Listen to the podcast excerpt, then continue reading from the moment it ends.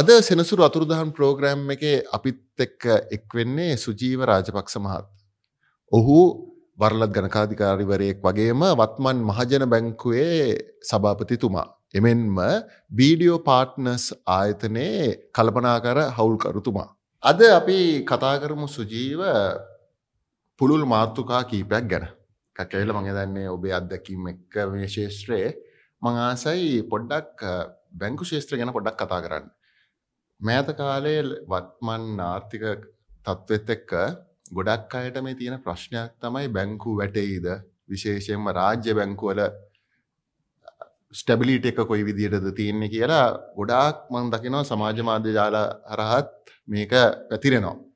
කියන්නක සුජීව ඔබේ අත්දැකීම් කැබතුතු නිර්මාල් ඉස්සල්ලම අපි දැනගන්න ඕන මේ බැංකුවක් කියන්නේ මොකද්ද බැංකුව සාමාන්‍ය අනිත් එකකින් වෙනස් වෙන්නේ කොහොමද කියන එක. මොකද හේතුව උදාහරණයක් ගන්න මේ නිෂ්පාදනය කරන ආයතනයක් ව්‍යාපාරයක් විශාල මහා පරිමාණ.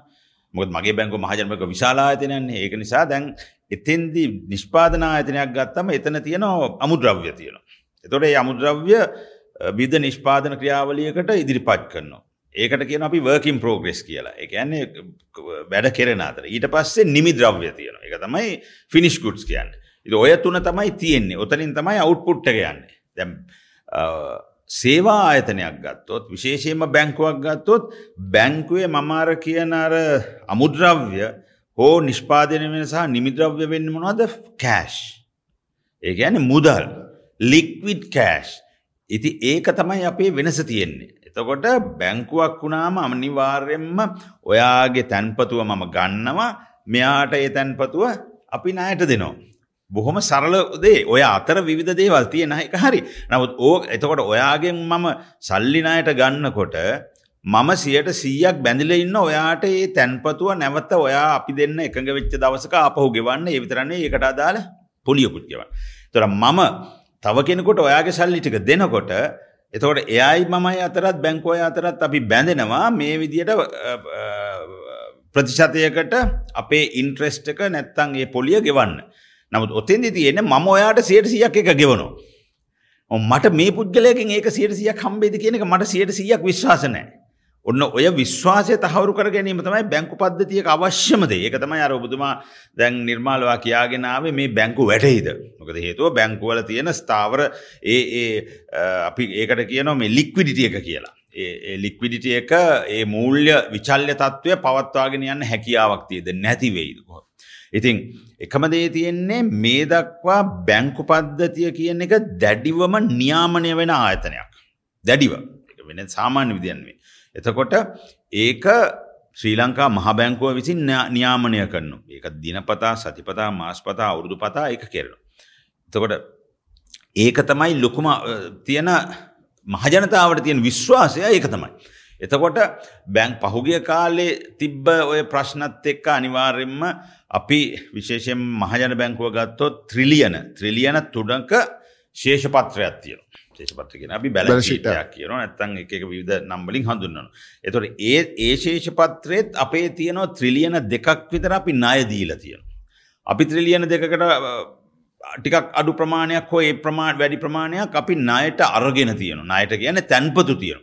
එතොන මේ ඔක්කොම අපි සියල්ලම තුලනය කරගෙන තමයි යන්න. නමුත් සමහල්ලාට පහුගිය ඔය කෝවිඩ් කාලේ අපි දන්න අපේ ගණදනකරුව ඉන්න. වාට මඒකත් කියන්න නිර්මාල්. අපේ මේ රටේ ඉන්න මිලියන විසි දෙක හමාරක ජනතාවගෙන් මිලියන දා හතර හමාරක් දහ හතර හමාරක් අපිත් එක්ක ඉන්නවා. ඒකත් තව මිලියන දහට හමාරක් අපිට ගිනුම් තියන එක්කෙනකොට සමහට ගිනුම් දෙක තිකක් තියෙනල එතුට ඒ වගේ විශාල ප්‍රමාණයක් තියෙන ආතන ඇතම මහජරමකම බැංකු පද්ධති හැටිගන්න ම කැමති රෙප්‍රසන්ට් කරන්න මුළු බැංකු පද්ධතියම්. එතකොට පෞගිය කාලෙ ඒ සිදුවීම් තුළින් ගොඩක් වෙලාවට නයගත්තායට නයගවාගන්න බැරි වුණානේ. එතකොට රජයට රජය ආයතන හැටියට අපි බැංගු හැටිය රජයටත් තරමුදල් සපේලා තියෙන ඒව සමහලාට යම් යම් දේවල් නිසා ගෙවාගන්න මුල්ල පහසුකම් ඇතිවෙල ඒවා ප්‍රශ්න තිබුණා. එතකොට රජයේ ආයතන උදාහරණයකට සීපි කනිජ තෙල් නිීසක සංස්ථාව වෙන්න පුළුවන්. එතු විදුල් බල මණ්ඩල ඒ වගේ ලොකුම ව්‍යාපාරවලට ණය පහසුකම් සහ වෙන අනිත් සියලුම පහසුව ණයවර ලිපි පහසුකම් දෙන්නේ රාජ්‍ය ආයතන දෙකක් වෙන මහජන බැංකුව හලංග බැංකුව. ඒතොර එහෙම කරේ නැත්තම් ඇත්ත වශයෙන් මේ ආර්ථික ගෙනියන්න බෑ. ඒක ලොකු ප්‍රශ්නයක් නෙමෙයි. කොහොම වුණත් පහුගිය කාලේ තිබ්බ අසමතුලිත තත්ත්වය දැන් මාස හයකට අටකට හයක වගේ තිස්ස කාලයක් තිස්සේ ඒ බෝට් එක දැන් රොක් වෙන එක අඩු වෙලා තියෙනවා. ඒකත් මම කියන්න ඕන. ඉතින් ඒක සුභවාදීව දකින්න පුළුවන් දෙයක්. හැබැයි එහෙම කියන අතරේ තවම මේ සුළුහා මධ්‍ය පරිමාණ විශේෂයෙන් සුළුහා මධ්‍ය පරිමාණ කර්මාන්තකරුවන් ඉන්නේ තාම පහසුයි. එතකොට ඒක නිසා සමහලාට ඔවුන්ට ගෙවාගන්න අමාරු වෙල තින. එතොට ඒ ගෙවාගන්න අමාරුණා කියන්නේ බැංකොලට ඒ ගලාගෙනන්න තියෙන මුදල් ප්‍රමාණය මුදල් ප්‍රවාහය අඩු වෙලා තියෙනවා. ඒ අඩුනයි කියලා අපිට මුදල් ඔයාට නිර්මාල වාගේ තැන් පතුවා කල්පිරි දවසට අපි ගෙවන්න ඕනන. අවශ්‍යලාට දෙන්න අවශ්‍යලාට දෙන්න ඕන. මොකද ඒකතමයි ස්තිරවම මේ අර කොන්ෆිඩන්ස් බිල්ලිං එක. ඒක තියන නමුත් තවමත් ඉතින් එතකොට අපි අපි පැහදිලම දන සුළහ මධ්‍ය පරිමාණ ශුද්‍රය විශේෂයෙන්ම ප්‍රශ්නවට මැදිලා තිත එතකොට ඒවා අපි පුළුවන්තරම් සමනය කරගෙන යන අතර අනිත්‍යලුම් ව්‍යාපාරත් කරගෙන යන. එතකොට දැන් තව එකක් මම කියන්නම් මේ මංහිතන මේ බලනයට වැදගත්තේ සමහර වෙලාවටනේ වැරදි මතයක් තියෙනවා බැංකු දැඩි ලාභ ගන්නවා කියලා. ශාල වශයෙන් ලාභ ගන්නවා කියලා. මම බැංකුවේ සභාපතියට එනේ වල්ලත් ගණකාධිකාරිවරයෙක් සහ මමත් ව්‍යාපාරයක් කරන කෙනෙක් හැටියට මටත් සමහරලාට එක සැරටිතුන මේක වැඩිද කියලා. නමුත් උදාහරණයකට මහජන බැංකුවේ ශේෂපත්‍රයේ ත්‍රිලියන තුනක වත්කමක් තියෙනකොට සාමාන්‍යෙන් අපිට සියට එකක රිටර්න් එකක් අවුත්. එකක එතකොට අපේ අපිට බ්ලාභයක් අවුත් එතකොට අපිට බිලියන තිහක් තියෙන්න්න ඕන. සියට එකක්. මේක මහගානන්නෙ සියට එක කියෙන එතකොට නමුත් අපිට එච්චර නෑ. අපිට ගිය අවුරුද්දේ තිබුණේ බිලියන 20ක් විතර. මේ අවුරුද්ද ඊටත් වඩා අඩු වෙනවා. මොකද හේතුව අපි පුළුවන් තරම් පහසුකම් අපේ මහ ජනතාවට දීලා තියෙනවා. ඉතින් නමුත් අනිත් ව්‍යාපාර ගත්තොත් සමහරලාට තමන්ගේ ශුද්ධ ලාභය 5ක වගේ රිටර්න් එකක් තියෙනවා. තමන්ගේ කැපිටල් එකෙන්. ඉතින් ඒ වගේ තත්ත්වයක් තියෙනකොට මං හිතන්නේ මහා මේ බැංකු අනවශ්‍ය ලාභ ගන්නවද කියන එක මං හිතන්නේ මං ඒ තර්කය බිඳින්න කැමති ඒ විදියට. නමුත් පහුගිය කාලේ ඇත්තරම හැකි හැම කෙනෙකුටම පුළුවන් ප්‍රමාණයක් අපි මොරටෝරියම් දුන්න. ණය ප්‍රතිවිහව ගත කරණය කර. ණය විධ විදියට ගෙවන එක පහු කරගෙන පහු කරගෙන පහු කරගෙනාව. සියට අනුවක් දෙන අවංකවම මේ අමාරුකම නිසා ගෙවන්න. නමුත් සියට දහයක් විතර ම දන්න ඒගොල්ලු සමහලාට බැංකුවෙන් නය ගන්නෙත් සමහලාට නෑ. මේකමන් ගෙවන්න පුළුවන් තරම් මේ ඇද ඇදන්නවා ගෙල ඉතින් ව්‍යාපා අපිට වත්කම් තියනන අපි අනිවාරම අපි තත්වරත් යන වත්කම් උපලබ්ධි කරන්න. අපි පරාටය කියලා අපිට නීති ඇතින ඒකෙන් අපි ගන්න නමුත් ඒ ගොඩක් අය කරන්න එහෙම එකක් අපි කරන්න ගියපු ගම ආයි උසාවියට ගිහිල්ල ඒකට විරුද්ධව. ඊට විරුද්ධව අපි අපිට විරුද් එරෙහිව ඒකට නීතිමය පියවර ගන්න. ඒවත් සෑහෙන කාලයක් යන කෙසේවුවත් අර නිර්මාලවා කියපු ඕරෝල් පුළුල්ව ගත්තොත් බැංකු පද්ධතිය ස්ථායිතාවය සස්ටේන බිල්ටියක නැත්තන් තිරසර පැවැත්ම කියන එක තියෙනවා. ඒගැන තර්කයක් නෑ. හැබැයි එතන එහෙම කියන අතරේ අපි අපිට බැංකුවක ප්‍රධානම දේ තමයි කැපිටල් ඇඩිකසියක කියනගේ ප්‍රාග්ධන අවශ්‍යතාවය. ප්‍රාග්ධනය හරියට තියාගන්න ඕන. දැම්මං හිතන හැම බැංකුවක්ම ගත්තොත් සියලුම සමස්තයෙන් බැංකු ගත්තොත් කැපිටල් එක දැන් ප්‍රාග්ධනය හරියට තියාගෙන මොකද ඒක දැන් බේ පදනම. ඒ අතරට මෑත කාලේ ඉදිරියට අපිට තවත් කැපිටල් එක ප්‍රාග්ධනය අවශ්‍ය නිසා සෑම බැංකුවක්ම සමහට පත්තරවල දකින්න ඇති. තමන්ගේ ඒ ප්‍රාග්ධනය වැඩි කරගන්න විධ විදියට දැන් ඩිබෙන්චර්ස් නායකර නිකුත් කරන ඒ නායකර නිකුත් කරන එක කරන අපේ බැංකුව දැන් හිටානෙදට බිලියන දහයක් නායකර නිකුත් කරන දැනටමත් ඒවට ආයෝජක සැදී පැහැදී නො එක දැන් විශ්වසනි තත්වය කියන් ඒක ඒක දවසින් වෙනකොට ඒ සල්ලි හොයාගන්න පුළුවන්. ඒක තමයි තත්ත්වය. අනිවාර්ය මහිතන්නේ වැදගත් තනකට ආවේ සුජීව අපි කතා කර බැංකුවක් මූලික කර්තවය සේවායක් සැපීමනි. එතොට තව තර්කයක් තියනවා මේ ලංකාවේ බැංකෝ නිවාඩු වැඩි තුනට බැංකින් ඔපරේෂන්ස් නිම වෙනවා එතකොට මේ තර්ගකාරී ලෝකේ අපි අනිත්‍රටවල් එක්ක සංසන්ධනය කරාම ලංකාවේ බැංකු ඒ තරංම සර්විසොරියන්ටඩ් නැහැ කියන තැන සමහරලාට එක තර්කයක් තියෙනවා. දැන් මේකට ඉතින් ප්‍රතිපත්තිමය විහුව අපි තන්න ඕනේ හැබ අනි පැත්තෙන් ඔබ ඔබට සම්පූර්ණ වගකීම තිබ්බන මේ ගැන ඩිෂයන එකක් ගණ්ඩ ඔබ හිතන්නේ අපි කොයි විදියට තව සර්විසෝරියන්ට වෙන්න ඕන? මෙහෙම දැන් ඒක ඉතා හොඳ ප්‍රශ්නයක්. මිනිසුන්ගේ තියෙන මතයක් ඒක. නමුත් මමත් මහජන බැංකුවත් එක අවුරුදු තියකට හතලිය කාලයක් ඉඳල ගණදිනු කරනවා. මගේ ව්‍යාපාරත අද පණහකට වැඩි ගණදන කරන කොහොමුණත් අපිට තේරෙන්න ඕන බැංකුකරවා කියන්නේ ඉතාම මානසික ආතතියකින් වැඩ කරන කෙනෙක්. එයා උදේ අටහමාට පටන්ගත්තම හවස හතර හතරහමාරක එක දිගටම වැඩ කරන්න ඕන. අනිත් එක හැම එන්ට්‍රියක්ම හැම දෙයක්ම යා ප්‍රවේශමෙන් කළ යුතුයි මොකද මුදල්. මුදල් වලින් තමයි සල්ලි මේ නෝට්ස් කරන්සි වලින් ගන්න දෙනු නැති වුණාට හැමදේම කරන්නේ මුදල් වලට සම්බන්ධ දේවල්. ඒකට වඩා අපිට හිතන්න ඕන දෙයක් තමයි මේ ලෝක වෙනස් වීම තුලින් අපි පුළුවන් තරම් මේ ඩිජිටල් කරණයට ගිහිල්ලා තියෙනවා දැන් ඩිජිටයිස් කරලා තියෙනවා දැන් මහජන බැංකුව ගත්තොත් අවිවාදයෙන්ම ඉදිරියෙන්ම සිටින බැංකුවක් තමයි ඩිජිටල් කරණය ලංකාවේ. එතකොට මේ හැම දෙයක්ම අපිගම ඔයාට නිර්මාල් ඕන නම් දැන් නෙමෙයි රෑ එකට වුණත් ඔයාට කෑෂ් ට්‍රාන්සැක්ෂන් එකක් පේමන්ට් එකක් ඕනම දෙයක් ගෙවීමක් කරන්න ටක් ගාලා පීපල්ස් වේ වෙබ් එකට ගියා එක තප්පරෙන් තප්පර පහක් යනකොට ගෙනියන්න පුළුවන්. එතකොට ඒ වගේම තමයි ලෝන් එකක් ණයක් ගන්න අවශ්‍ය නම් ඒ වැඩේ කරන්න පට නයවර ලිපියක් නිකුත් කරන්න ඕනම් ඒ වැඩේ කරග එතකොට එතකොට අර හවස තුනටද ඒ ඒ මතය බිඳෙනවා. තමන්ට අවශ්‍යතාවයකන අපිත් පුළුවන් තරම් බලන දැම් මේ බ්‍රික්කන් මෝටා කියන දැම් මේ ගොඩ නැගිලිවම විශාල විදියට හදන්න නැතුව පුළුවන් තරන් ඒ අඩු කරගෙන ගණදනකරවා ෆිසිකලි බෞතිකව අපේ ආයතන දක්වා ඒ ශාකා පරිශ්ෂයට ගෙනීම වැලැක්වීම තමයි අපිට අවශ්‍ය. මොකද එහෙම වුණ එහෙම වෙන්න පුළුවන් තරම් අපි එයාට අලුත් කම්පියට ඇපලිකේෂන් හද හදල හදල දෙන්න ඕන. මහිතන හැම බැංකුවම මහජන බැංකුව තන හැම බැංකුවකම තමන්ගේ ඇතිද මගේ ෆෝන් එක තෝන වෙලාක තියෙන ඒ හැම බැංකුවම ඒ ට්‍රන්සර එක. ඉති මහිතන ඒක ඒක නිසා ඔය මේ වෙලාව මේ වෙනමයි කියනක මං හිතන්නේ නෑ. නමුත් සමහර වෙලාවල් තියෙනවා අවශ්‍යම ඩොකියුමන්ට් එකක් ෆිසිකලි අස්සම් කරන්න ඕන. ඊ සිග්නේචර් එක තිබ්බත් මදි. අන්නේ වගේ වෙලාවකට විතරයි. අනිත් වෙලාව මං හිතන්නේ දැන් 90ක් වැඩ කටයුතු කරගන්න පුළුවන් තමන්ගේ තියෙන ඇප් එකේ. ඔව් මං හිතන්නේ ඒකත් ඉතාමත් වැදගත් කාරණයක්. මං හිතන්නේ අපි අපේ කලාපිය රටක් වෙන ඉන්දියාවත් එක්ක සංසන්දනය කරොත් තාම අපේ ඩිජිටල් ට්‍රන්සක්ෂන්ස් අපේ ඉන්ටර්නෙට් පෙන්ට්‍රේෂන් එක තිබ්බට ඩිජිටල් ට්‍රන්සක්ෂන්ස් කරන්න තාම ප්‍රවණතාවේ අඩුයි. මිනිසුන්ගේ පොඩි බයක් තියනවා තාම. මහිතන අප එතන්ට ඒ ට්‍රෙන්ඩ් එකට තම යන්න ඕනේ. කොවිඩ් දහනම වසංගතයත් එක්ක මහිතන එක ටිකක් ලොකු පරිවර්තන පරිවර්තනයක්. වුණා. නමුත් මට වුණත් මං හිතන්නේ අපේ වින්ටේජ් එක ගත්තොත් මං හිතන්නේ ඒ අය තවම කැමති මේ මේක මේ අර ටච් කරලා බලන්න. ඒ තමන්ට ඩිපොසිට් ලිප් එක දීලා බලන්න. ඒක තමයි නමුත් ඒ වුණා දැන් තරුණ පරම්පරාව ජෙන්සීස්ලම ඒව මුකුත් නෑ. ඒගොල්ලොන්ට ඕන මේක ඒක ඒගොල්ලොන්ගේ විශ්වාසය තියෙනවා මේක හිට් වෙලා ඇති. අනිත් එක ට්‍රාන්ස්ෆර් එකක් වෙච්ච ගමන් තමන්ගේ ෆෝන් එකට එනවනේ මෙසේජ් එක. ඒ මෙසේජ් ඒ ඇලර්ට් එකෙන් අපි විශ්වාසය තියන්න ඕන. මහිතන ඒක තමයි අපි වෙනස් කරගන්න මට මතකයි මං ඉන්දියාව පෞගේ කාලේ ගොඩක් ඉස්සර දැන් අවුරුදු 20කට මං ඔය වලත් ගන්න කාර්යකාරී ආයතන සභාපති වෙනකොට නිතරම වගේ යනවා. එතකොට ඒගොල්ලෝ කියපු කතාව තමයි කවදාවත් ෆිසිකල් ලයිබ්‍රරි. ඒ කියන්නේ මේ පුස්තකාල නැති වෙන්නේ නැහැ. කොමනව තරම් කරා මොකද හේතුව මිනිස්සුන්ට පොතක් අරගෙන ටච් කරන එකේ ෆීලිං එක කවදාවත් ගන්න බෑ. අපිට තියෙන නිර්ම අපිට සහ ඩොකිමට කිවම හරි අමාරු අපිට අරක ටච් කල බලන්න ඕන. ඉති ඒ මේක මංහිතන්න මිනිස්සුන්ගෙන් යන්න නෑ එක ලෙසි වෙන්න ඇති ඒක නිසා මහිතන්නේ ඒ ඔය දෙකම සමුතුල්ලය කරගෙන හැබැ අපේ බැංකෝ ගත්ත දැන් මහිතන් ඩිජිටල් පැත්තෙන් කෙන ට්‍රන්සක්ෂන් ෆිසිකල් ට්‍රන්සක්ෂන්ට වඩ වැඩි ඇතන ඒක හොඳ දෙයක්.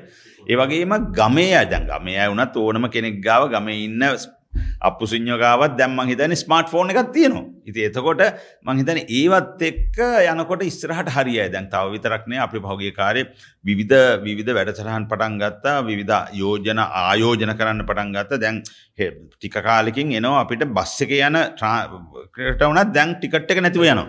මොද මහජන බැංකුවත් ඒකෙන් සෑහෙන වැඩක් කරගෙන ගියා. එතකොට යාට කාඩ්ක දෙන්න.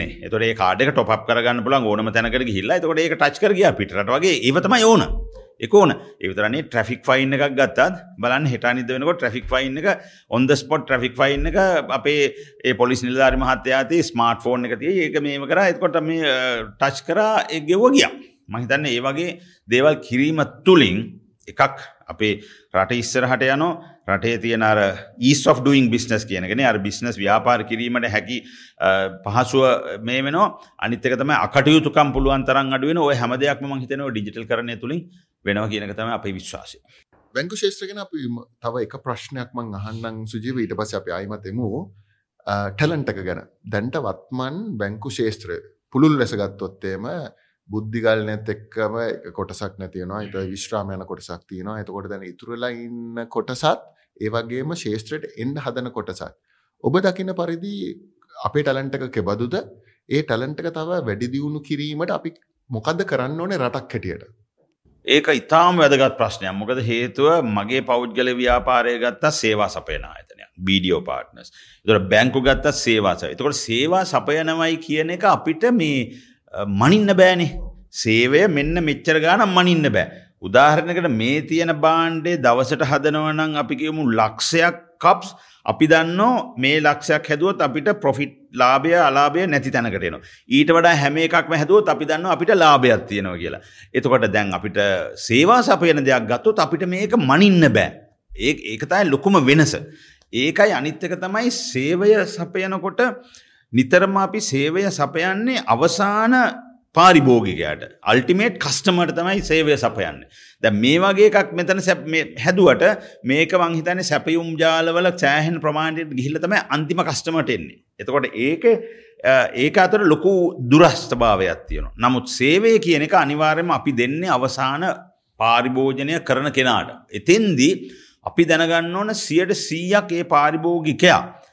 සේවය ලබාගන්න පාරිභෝගයා තෘප්තිමත් කියනක ඒ තෘප්තිමත්ද නැද්ද කියනක දය ප්‍රශ්නය දැන් බැංකුවක් හැටියට මහජන බැංකුව ගත්තත් මන්දන අනිත් බැංකුත් එහෙම තමයි බැංකු ශාකාවට ගියොත් නැත්තම් ප්‍රධාන කාරයාල ගියාට පස්සේ එතන ඒ කස්ටමට තියෙන්න්න ඕන කස්ටම එක්ස්පීරියන්ස එක නැතුව මේ කස්ටම ට්‍රන්සක්ෂක නෙවේ දැම් බලන්නේ ඒගැන ලොකු එතෙන්ට ගිහිල්ලා එනකොට මොනතරං ආශ්වාදයක් ලැබුණද එතනින් එලියට එනකොට ගෙන අන්න එකතම අවශ්‍යතාවතින්. ඒ මේ ඒ සිතිවිල්ල නැති වුණොත් මංහිතන්න එතෙන්දි පාරිභෝකයා ලොකු ගට්ටනයකට මැති වෙන ලොකු එක්ස්පෙක්ටේෂන් ගැප්පයක් බලාපොරොත්තුවේ සූර්ණ වෙන ඒක.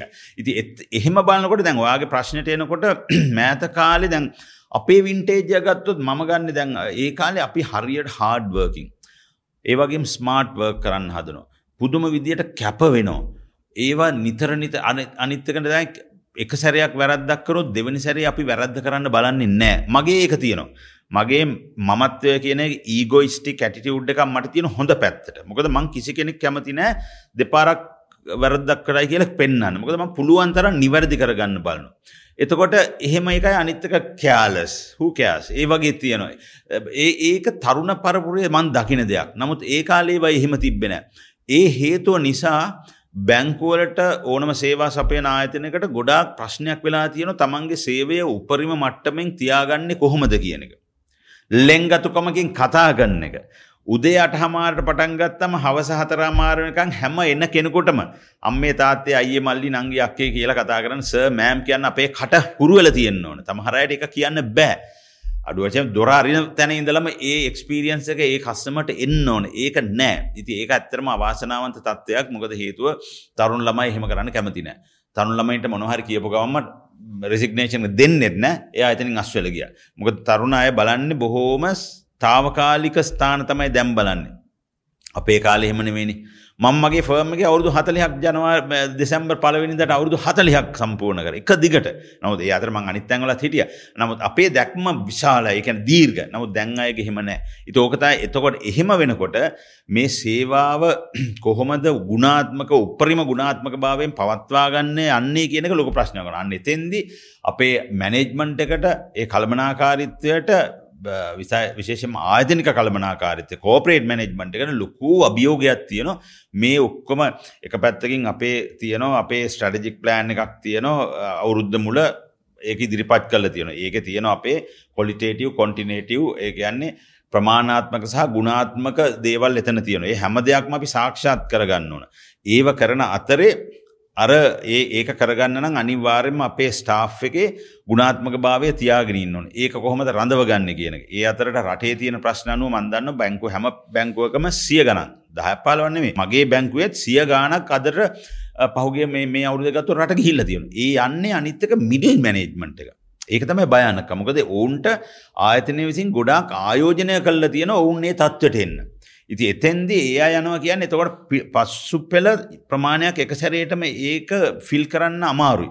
ඉති ඒක ඒකත් තියෙන ලොකු අභියෝගයක් තමයි. ඉති ඕවත් එක්ක තමයි මේ බැංකු පද්ධතිය විශේෂෙන්මයන් හැබැයි බැංකු පද්ධති ස්ථාවිතාව තියන ස්ථායිතාව තිය. අනිවාර්යම. ඉතාමත් වැදගත් සුජීව මංහිතනේ දැන්න ආසයි මං මාතෘකාව ටිකක් වෙන පැත්තකට ගෙනියන්න. දේශය ආර්ථිකයේ කොඳුවට නාටේ තමයි සුළුව මධි පරමාණ ව්‍යාපාර බැංකො කෙට ගත්තොත් මගේ තන මහජර බැංකෝ ගොඩක් වැඩ කරනවා මේ කණ්ඩායමත් එක්ක. හැබැයි මං ආසයි ඔබේ අනිත් පැත්තට. ඒ කියන්නේ වරලත් ගණකාදික රේක් ඇටියට ඔබ කරන ඔය කර්තව්‍යයේදී සුළා මධි පරිමාණ ව්‍යවසායකයන්ගේ ප්‍රශ්න කීපයක් තියෙනවා. එකක් ඇවිල්ලා මේ මුදල් ප්‍රවාහය කෝමද මැනේජ් කරන්න කියන කෑශ්ලෝ එක. අනිත්තක අපි කියන ෆයිනන්ශල් ඩිසිපලීන් එක. මුල්ලමය විනය. සමහරලාවට පොත් දෙක තුන තියාගෙන ඉන්න සමල්ලට පොතුත් නෑ අපි කියන එකවුන්සුත් නෑ. මේ ගැන ඔබේ අදහස මොකක්ද මේකින් එලියට එන්න දෙන්න පුළන් උපදෙස මොකක්ද නිර්මල් මහිත අපි දෙන්නම එක දැනක රැඳිල හිටිය කාලයක් අවුදු ගානක ඉස්සල්ලම ඇත් පවරු කියල ප්‍රෝග්‍රම එක. අපිට මහිතන් සිය ගණනක් ඒ වගේ අය හම්බෙන් ඇති ශුද්‍රයි විශේෂෙන් හම්බෙන් ඇති අලුත් ව්‍යාපාර ආරම්භ කරන්න සිහින දකින අය හම්බුණ. නමුත් එතෙන්දිත් අපි දැකපු දෙයක් තමයි අදටත් අපි දකින දෙයක් තමයි මේ සුළුහා මධ්‍ය පරිමාණ කර්මාන්තකරුවන් සාමාන්‍යයෙන් කියන රටේ කොඳු නාරටිය කියලානේ බෑක්බෝන් එක කියන. ඒ වගේම සුළුහා මධ්‍ය පරිමාණ කර්මාන්තකරුවන් මේ රටේ දලජේතිය නිෂ්පාදනයෙන් මං හිතන්නේ 160ක් 62ක ප්‍රමාණයකට දායකත්වයක් දක්වනවා කියන. ඒ වගේම මේ රටේ සේවා නියුක්තිය ගත්තොත් විශාල ප්‍රමාණයක් ඔවුන්ගෙන් කරනවා කියනවා. ඒ මොනව කරත් හැම අවුරුද්ධකම හැම දසකේම උන්ගේ කොඳුනාරටිය බිඳල වගේ තියෙන්නේ ඒ අපි අපි දන්න දෙයක් ඒක. ඒ අවාසනාවන්ත තත්ත්වයක් මේක ඇත්තරම් විශ්ලේෂණය කරල බැලුවොත් මම පහුගේ කාල දැම්මන් අවුරුදු හතරක් කට කිට්ුවෙන මහජන බැංකු සභාපති හැටියට පත්වෙලා මම හම්බෙන සිය ගණනක් ඇවිල්ල තියෙන ඔය මේ සුළුහා මධ්‍ය පරිමාණ කර්මද. වගේ මගේ ව්‍යාපාරෙත් බීඩියෝ පාට්න සායතින සිය ගණනක් ඉන්න ඔය වගේ මගේ කලයන්ස්ලා මම දකින පොදු දේවල් ගොඩක් තියෙන. එකක් තමයි දැන් ඒ අය කර්මාන්ත පටන්ගත්තට ඒ කර්මාන්ත ගැන ඒ දැක්මක් තියාගෙන පටන්ගන්නවාද කියනක ප්‍රශ්නයක්. අපි කියමු අපේ යාළුවේ පටන් ගත්තේ ඒ නිසා මමත් පටන් ගන්නවා. නැත්තම් අපේ ගෙදර නෝන හරි කවුරු හරි නැත්තම් ඔයත් මගදී හම්බෙන්නේ නැත්තම් යාළුවෙක් කිව්වා මචං මෙහෙම එකක් තියෙනවා උඹ පටන් ගන්න දැන් නරක නෑ. ආ හොඳයි. ඉතින් නමුත් Tamanට හිතෙන්නේ නැහැ Tamanට මේ කම්පිටන්සියක තියෙනවාද කියල ස්කිල්ස් තියෙනවාද කියෙන ඒකත් අවශ්‍යයින. සහ තමන්ට අර ඉන ඒක යම්කිසි මේක තියෙනවද මට මේක කරන්න පුළුවන් කියන යාලුව කරන්න නිසා කරන ඒක හරියන්නේ ට්‍රෙන්ඩකට ටකට කරන ඉතින් ට්‍රෙන්ඩකට කරන්න ගයාම අන්තිමට මග හිල්ල හිරවෙන මොකද හේතු යාට ඒක පැෂන් එකක් දකින්න ඒක එන්ජෝයි කරන්නේ නෑ. ඒක ඒක සත්තුටෙන් ඒක කරන්න ඉතින් ටික කාලයක් යනකොට මේක පාව ඔන්න මම දැකපු එකක් තමයි තමන්ගේ විෂණ ගත් එක්ක තමන්ගේ යන්න. අනිත්්‍යක තමයි තමන් අනුකරණය කරනවද අනුගමනය කරනවද කියනක තේරුම් යන්න ඕන. දැන් අනුකරණය කරනවා මම ඔයා මෙහෙම එකක් කරන්න ස්ටේෂන් බිස්නසයක් එන මටත් ආසයි ස්ටේෂන් බිස්නස මං ඔයා අනුකරණය කරනවා. අනුකමනය කරන එක වෙනම කතාව ඒක හොඳ පැත්ත. නමුත් අනුකරණය කරන්න කියලතෑ ගොඩාක් අය අමාරුව වැටෙන්නේ. ඔයා ප්‍රාඩ එකක් ගන්න නැත්තම් හොඳ වාහනයක් ගන්න ගෙදරාමගේ හර දැක්කන නිර්මාටත් වාහනයක් වාටක ඉතින් මම ගිහිල්ල ලීසිං එක හරහා ගිහිල්ල ලීසිං එක අරගෙන අන්තිමට අමාරු වැටන ඕක නෙවෙන්න. ඉති ඒකත් ඔය සුළු හමධ්‍ය පරිමාණ කර්මාන්තරුව අනිත්තක තමයි ව්‍යාපාරය සහ පුද්ගලය කියන දෙකක්. මේක අපි ඇත්තරම දැනගන්න ඕන. ගොඩක් තැන්වල ඒක කෙරෙන්නේ නෑ. ව්‍යාපාරයේ තියෙන මුදල් ඒ මුදල් හැටියට අර මුදල් ප්‍රවාහය කෑශ්ලෝ ඒ ඔක්කොම ව්‍යාපාරයම නැවත නැවත ආයෝජනය වෙන්න ඕන. නැවත ආයෝජනය කරන්න ඕන. මොකද ඒක කරන්න අඩුයි. මොකද ඒක ව්‍යාපාරයට සාධාරණයක් කරන්න ව්‍යාපාර ඉන්න ස්ටේක් හෝල්ඩස්ල කියල විශාල ප්‍රමාණයක් ස්ටේක් හෝල්ඩ ගෙන අයිතිකාරයත් එක්කෙනෙක් සප්ලයස්ල ඉන්න ගණදිනු ගැන බඩු සප්ලයි කරන්න කට ඉන්න එතකොට රෙගියුලේටස්ල ඉන්න විද නියාමනායතන ඉන්න සේවකයෝ ඉන්න ඔය වගේ විශාල ප්‍රමාණයක් ඉන්න එක ඒ ආයතනේ තුළින් සේවාව ලබන සේවාව දෙන අය. එතොට ඒගුල්ල අපි බලාගන්නවා.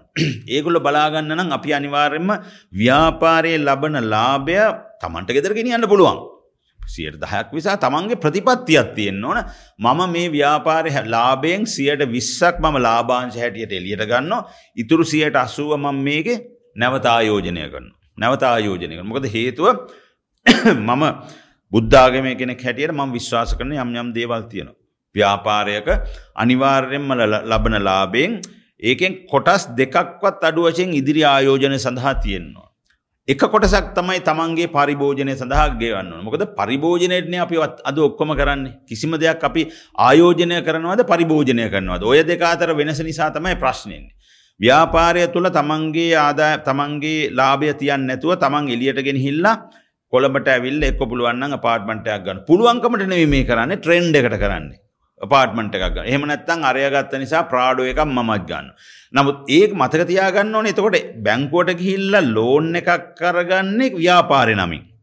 හැබැයි තමන්ගේ පෞද්ගලක සුවක වියරෙන තමයි ඒක ගිය එතකොට කෙනෙකොට තේරෙන්න මම ඒ ඒ ලෝන් එක ගත්ත එකේ ණය මූලික මුදලද පොලියද දෙකම ගෙවන්න ඕන ව්‍යාපාරෙන් හම්බගන්න ව්යාපාරයට එතකොට ලොකු මානසික ආතතියක් ඇති වෙනවා.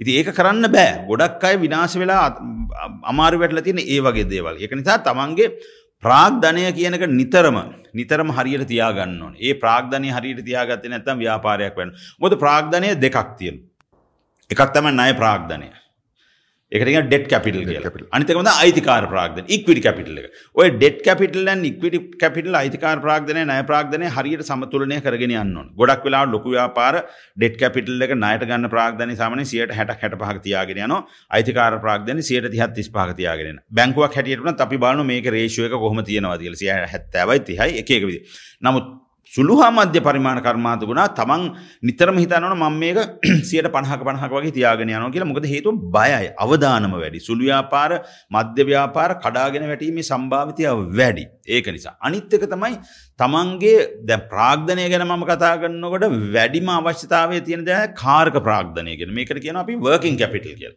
මොකද අපිට වර්කින් කැපිටල් එක හරියට කරගන්න බැරි වුණොත් ලොකු ප්‍රශ්නයක මදවෙන වර්කින් කැපිටල කියන්න අපි දන්න නිෂ්පාදන ව්‍යාපාරයක් නම් අපේ තොග තියනවා. ඒගැන්න රෝමටිරියල් තියන ඒක ඊට පස වර්කින් පෝග්‍රෙස් හැටියට වැඩ කරගිය කෙරීගෙන යනයවතින ඊට පස නිමි දෙයල්තින ඊට පස්ස අපි මිනිස්සුන්ට ඒ බඩු විකුණලා එයින් එන්න හම්බෙන සල්ලි තියෙනවා. අපි මිනිස්සුන්ගෙන් බඩු අරගෙන අපි ගෙවන්න තියෙන. ඔන්න ඔය ටික තමයි සාමාන්‍යයෙන් කාරක ප්‍රාග්ධනයට හරිය අහුවෙන්. එතොර ඔය කාරක ප්‍රාග්ධනය අපි ක්‍රම දෙකට මනින්නත් පුළුවන්. එකක් මුදල් හැටියට මනින්න පුළ රුපියල් වලින්. අනිත්තකම දින ගණනින් මනින්න පුළුව. එතකොට අපි සාමාන්‍යයෙන් අපේ කාරක ප්‍රාග්ධනය මාස දෙක වගේ ප්‍රමාණයකට අපේ සර්කුලේස්් කරගෙන තියාගන්නවන මහිතන එක හොඳ තත්වය සමහලාට මාස හයක් විතර එතකොට අපි උදාහරණයකට කියමු. අපි බඩුගන්න කෙනෙකොට මාසයක් ඇතුළත ගෙවන්න ඕන්නම් අපි බඩු විකුණන කෙනෙක් අපිට මාස තුනක්කින් දන් ගෙවන්න අන්නත ලොකු වෙන සත්තියනවා එතොට අපි යන්න තින්ති තමයි අපිට මානසික ආතතිය හැතිවල අපි යන්නන බැංකුවට. බැංකොට කියලා ලෝන් එකක් ගන්න. එමත ඕඩී ගන්න. ඕඩිවලට සියට විසිගණන් ගෙවන්න ඕන අනිවාරය අතෙන් අර එන්න තිබුණයි කියල සල්ලි යාපිට සත පහකත් වැඩියෙන් ගෙවන්නේන ඉති ඔන්න ඕක හරියට ප්‍රාග්ධනය කාර්ක ප්‍රාග්ධනය හරියට තමන් දැනගන්න ඕන තුළනය කරගෙන හරියට සමනය කරගෙන යන්න. ඒක අනිත්්‍යක තමයි බැංකුත් එක්ක මනා සම්බතාවයක් තියාගන්නේ නෑ සමහලාට සුළු මධ්‍ය පරිමාණ කර්මාන්ත කරුවන්. ඒකත් ම දැකවදයක් මොකද බැංකු කියන්නේ අනිවාර්යම තමන්ගේ පාට්න හැටියට හවල්කරුව හැටියට සලකන්න ඕන. තමන්ගේ යාලුව හැටියට සලකන ම බැංකුකරුවන්ටත් මේ වෙලා කියන්නේ එක මොකද ඒ අය වුනත් තමන්ගේ ගණදනකරුව තමන්ගේ සහකරුව හැටියටම සලකන්න ඕන. කිට්ුවෙන් තියාගන්න කිට්ුවෙන් තියාගන්න ඕන. මොකද ඒගොලො සතම ජීවත්තෙන නමුත් සමහලාට මම දැකල තියනවා සුළුහා මධ්‍ය පරිමාණ විශේෂම කර්මාන්තකරුවන් අමාරුව වැටනකොට බැංකුව මගාරිනවා. කෝල් එකක් දෙනකොට බැංකුවෙන් කෝල් එක ගන්නේ නෑ. චෙක් රිටර්න් කරන ඊට ඊට සෙල්ල පුළුවන් ගිහිල්ල බැනේ ජමහත්ය හම්බල කියන මට මෙහම ප්‍රශ්නයක් තියන ඒකනිසා කරුණා කල මේ චෙක් රිටර්න් කරන්න එප. මට පොඩිට යෝඩියකත් මොද ඒ ඒ සම්බන්ධතාව ඒ ඩයිලෝක හරි වැදගත්වන නමුත් එහෙම කරන්න නැතුව බැංකුකරවා මගාරිනකට බැංකුකරුවට පොඩි ආතතියක් වෙන මෙයා මොකාටද එන්න හදන්න කියලා. එතකොට එයා කරන්නේ එයාගේ නීතියම පැත්ත ක්‍රියාත්මක කරන මොකද එයා බේරෙන්න ඕන නිසා. එහෙම නැතුව එයාට පුළුවන් ගණජන කරවට පුළුවන් ගිහිල කතා කල කියන මෙහෙමයි. මේ කරුණා කල මෙන්න මේ. ඒකරු තේරුම් ගන්න. මොකද මම තරයේ විශ්වාස කරන දෙයක් තමයි නිර්මාල් ගුඩ්විල් එක කියන එක. ගුඩ්විල් එක කියන එක අනිවාර්යෙන්ම ඕනම කෙනෙකුට මටත් ගුඩ්විල් එකක් තියෙනවා ඔයාටත් ගුඩ්විල් එකක් තියෙනවා අපේ පර්සනල් බ්‍රෑන්ඩින් එකක් තියෙනවා ඒක ආරක්ෂා කරගත යුතුමයි කීර්තිනාමය කියනක නැති වුණා මොකද මම බැංකුවල විශ්වාසයක් කරන දෙයක් තමයි මේ බැංකුවට ගිහලා ලෝන් එකක් ඉල්ලනකොට මුලින්ම අහන්නේ අය ඔයාට මොකද්ද තියන්න පුළුවන් කියන. ඔයාගේ බිල්ඩින් එකද ඔයාගේ ගෙදර තියෙන ඒක අහන්නේ නැහැ. ඊට ඉස්සල ගොඩාක් දේවල් තියෙනවා. මොකද එයා පහුගිය කාලේ මේ බැංකුවත් එක්ක හැසිරිච්ච විදිය තියෙනවා නම් ඒකෙන් මං හිතන්නේ 170ක් 75ක් විතර ඒ වැඩේ හරියනවා. මොකද එයා දන්න මෙයා බය වෙන දෙයක් නැහැ. මෙයා අපිට මූණ දෙනවා. මෙයා අපිත් එක්ක බොහොම හොඳට ඉඳලා තියෙනවා. හොඳ කීර්තිනාමයක් ගොඩනගාගෙන තියෙනවා. මෙයාට ණයක් දෙන එක බයක්. අන්න ඊට පස්සේ බලන්නෝ සමහරලාට ඒ අයට ලෝන් එකේ ප්‍රමාණය අනුව සමහට ඉල්ලයි හරි ඔයාට මොකක් හරි වෙන තියෙනවද කොල්ලටර් එකක් තියන්න මොන සුරකුමක් තියන්න කියලා. නැත්නම් පළවෙනි එක තමයි ගුඩ්විල් එක කියන්නේ. පලවෙනි පර්සල් බ්‍රන්් එක. තමන්ගේ පර්සල් බ්‍රන්ඩ් හදාගෙන තියන බැංකරට කියල බයවන්න දයන්න කියල මෙන්න මගේ මෙන්න මෙන්න කවන්සික ඔතෙන් යන්නරවා කියපුවර කවන්ස් කවන්සෙත් දෙක තුන තියෙනවා. සමහලාට ම දැකපු කතා ම මේකත් කියන්න කැමති සමහරයනවා මුදලාලි හරි නැත්තං අයිති ඒ මහත්‍ය නෝන නවා ඇවෙන්නේ සමහලාර ගණකාධිකාරිවරයත් එක්ක.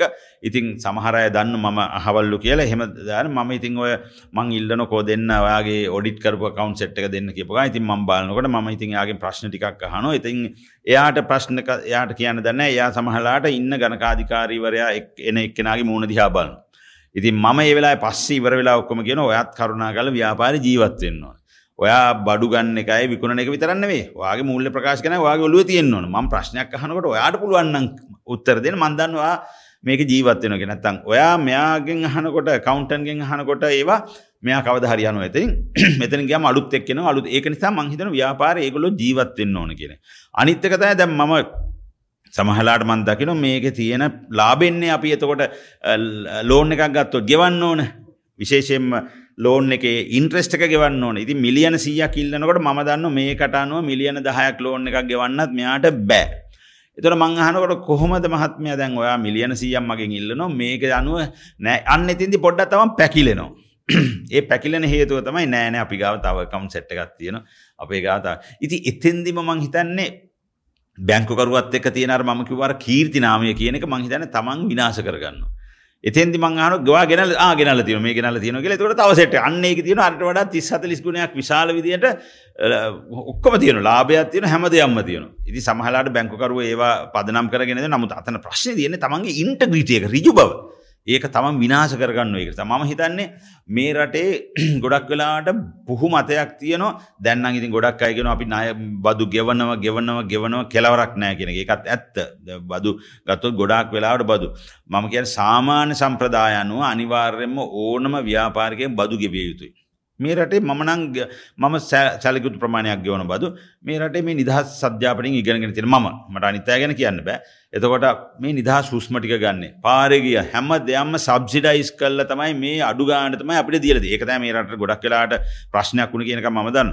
ඉතින්දි අපිට පුළුවන් වෙන සාධාර ප්‍රමාණයක් බදු ගෙවන්න සාධාර ප්‍රමාණයකට. මොකද බයනතුව තම සමාජීදිරියේ තමන්ගේ ව්‍යාපාර ලෝකීදිරියේ තමන්ට පුද්ගලය හැටිය නැගේ ඉඩින පුළුවන් වෙන මේ මම මේ මම මෙච්චර බදු ගෙවන.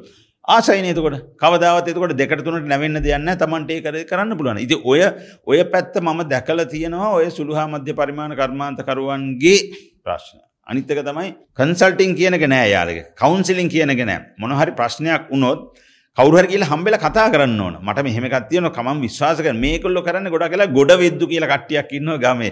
අපෝ ගෙවන්න බදු ගෙවන්න එපා. බදු ගෙවන්න පැති පුළුවන්තර නොගෙවමින්න ගන බලන් අරය බදු ගෙවන්න එකනිසා මට මටත් තියෙන බදු ගන්න පයි ඇති ඒක හොඳ නෑ ව්‍යාපාරය ප්‍රශ්නයක් තියෙනවනම් අනිවාර්මය ප්‍රශ්න තවත් දරුණුවෙන් ඉස්සෙල්ල තමන්ට විශ්වාසදායක කෙනෙක් ගිහිල් හම්බෙල පෑ පෑභාගයක් නිකන් තේකක්බුණකම කතා කරලා අහන්න ඕන මට මෙහෙමකත්තියන මේකට මොකද කර එතකොට ඇත්තරම හොඳම ඇඩ්වයිස් සම්බෙන ඒ ඇඩ්වයිස් තමන් මංහිතන ගොඩක් කියලාටත් ගන්නේ නෑ. එය පුළුවන් තරන් ඉන්න ව්‍යාපාරය තවත් තවත් පහට වෙනකම් එතෙන්දි යම්බෙලාවක් කෙනවා තමන්ට එතන හට යන්න අන්න එතෙන්දි තමන්ට මානසික ආත තියෙනවා. එතෙන්දි තමන්ට ප්‍රශ්නය එතෙන්දි තමන් ගෙදර ගිහිල ප්‍රශ්න ඇති කරගන්න සමාජ ප්‍රශ්න ඇති කරගන්න එතකොට මුකුත් කරගන්න තමන්ට නින්ද යන්නේ නෑ මං කියන මේ සාමාන්‍ය වෙන දේව ඒ පාර හවසට මොනහරි රහමෙර පානය කෙනෙක් නම් තව ටිකක් වැඩියෙන් වැඩියෙන් වැඩියෙන් පාවිච්චි කරන්න ඒ පාර තමන්ට තවත් අනවශ්‍ය දේවල් වෙනවා. මානසික සහ භෞතිකව ඔක්කොම තමන් බැහැරෙන මං හිතන්නේ ඔය තත්ත්වයට ඉන්න ඉස්සෙල්ලා අනිවාර්යයෙන්ම අපි පුළුවන් තරම් ඉස්සරහට හිතන්න ඕන මම කොහොමද මේ ටික ඉස්සරහට හරියට කරගෙන යන්නේ. අනිත් එක මේක තරඟකාරී ලෝකයක්. ඔයාට තනියෙන් ව්‍යාපාරයක් කරන්න බෑ ඔයත් එක්ක කරනකොට ඔයාගේ ව්‍යාපාරය තව ගොඩාක් අය බලන් ඉන්න. ඒවල මෙන්න මේ ව්‍යාපාර මට හොඳයි. කියලා මේක තවත් කරන දෙයක් තමයි පේටන් අපේ අපේ බ්‍රෑන්් තියෙනවනේ ව්‍යාපාරවල තියෙන බ්‍රෑන්් එක සන්නාම ලකුණු සමහල රජිස්ට කරන්න. මම ම ඕන කෙනෙ හන වාමක රජිස් නෑ රජිස්ට තකොට වෙන කෙනෙකුට හරි ලේසියෙන් ගන්න පුලන් ඒතක්වා හිතන්න. මතන ඒවත් අපි ව්‍යාපාරික හැටියට දැනගන්න ඕන තමන් යම්කිසි සන්නාමයක් තුළින් හොඳ ව්‍යාපාරයක් කරගෙන නම් ඒ සන්නාමයට ගණුදෙනකරුවන් ඇදිලේනවනම් අන්න එතින්ද ලොකු කීර්තිනාමයක් ඒ සන්නාමයට තියෙන එහෙමනම් ඒ සන්නාමය වහාම අපි දැනගන්න ඕන මේක වහාම ලියාපදිංචි කරන්න. ලියාපදිංචි කරලා එතකොට කාටවත් ඒක ගන්න බෑ.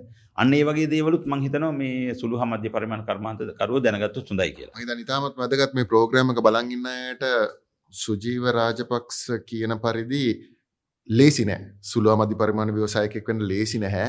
ඒ හින්දා ඒ ගේම් එකට බහිනවනම් ඒ ගේම් එක හිතන්න ඕන කාරණා ගොඩක් තියෙනවා. ඒ වගේ හිතන්න ඕන කාරණාවක් ගැන මම පොඩ්ඩක් ටච් කරන්න කැමතියි සුජීව.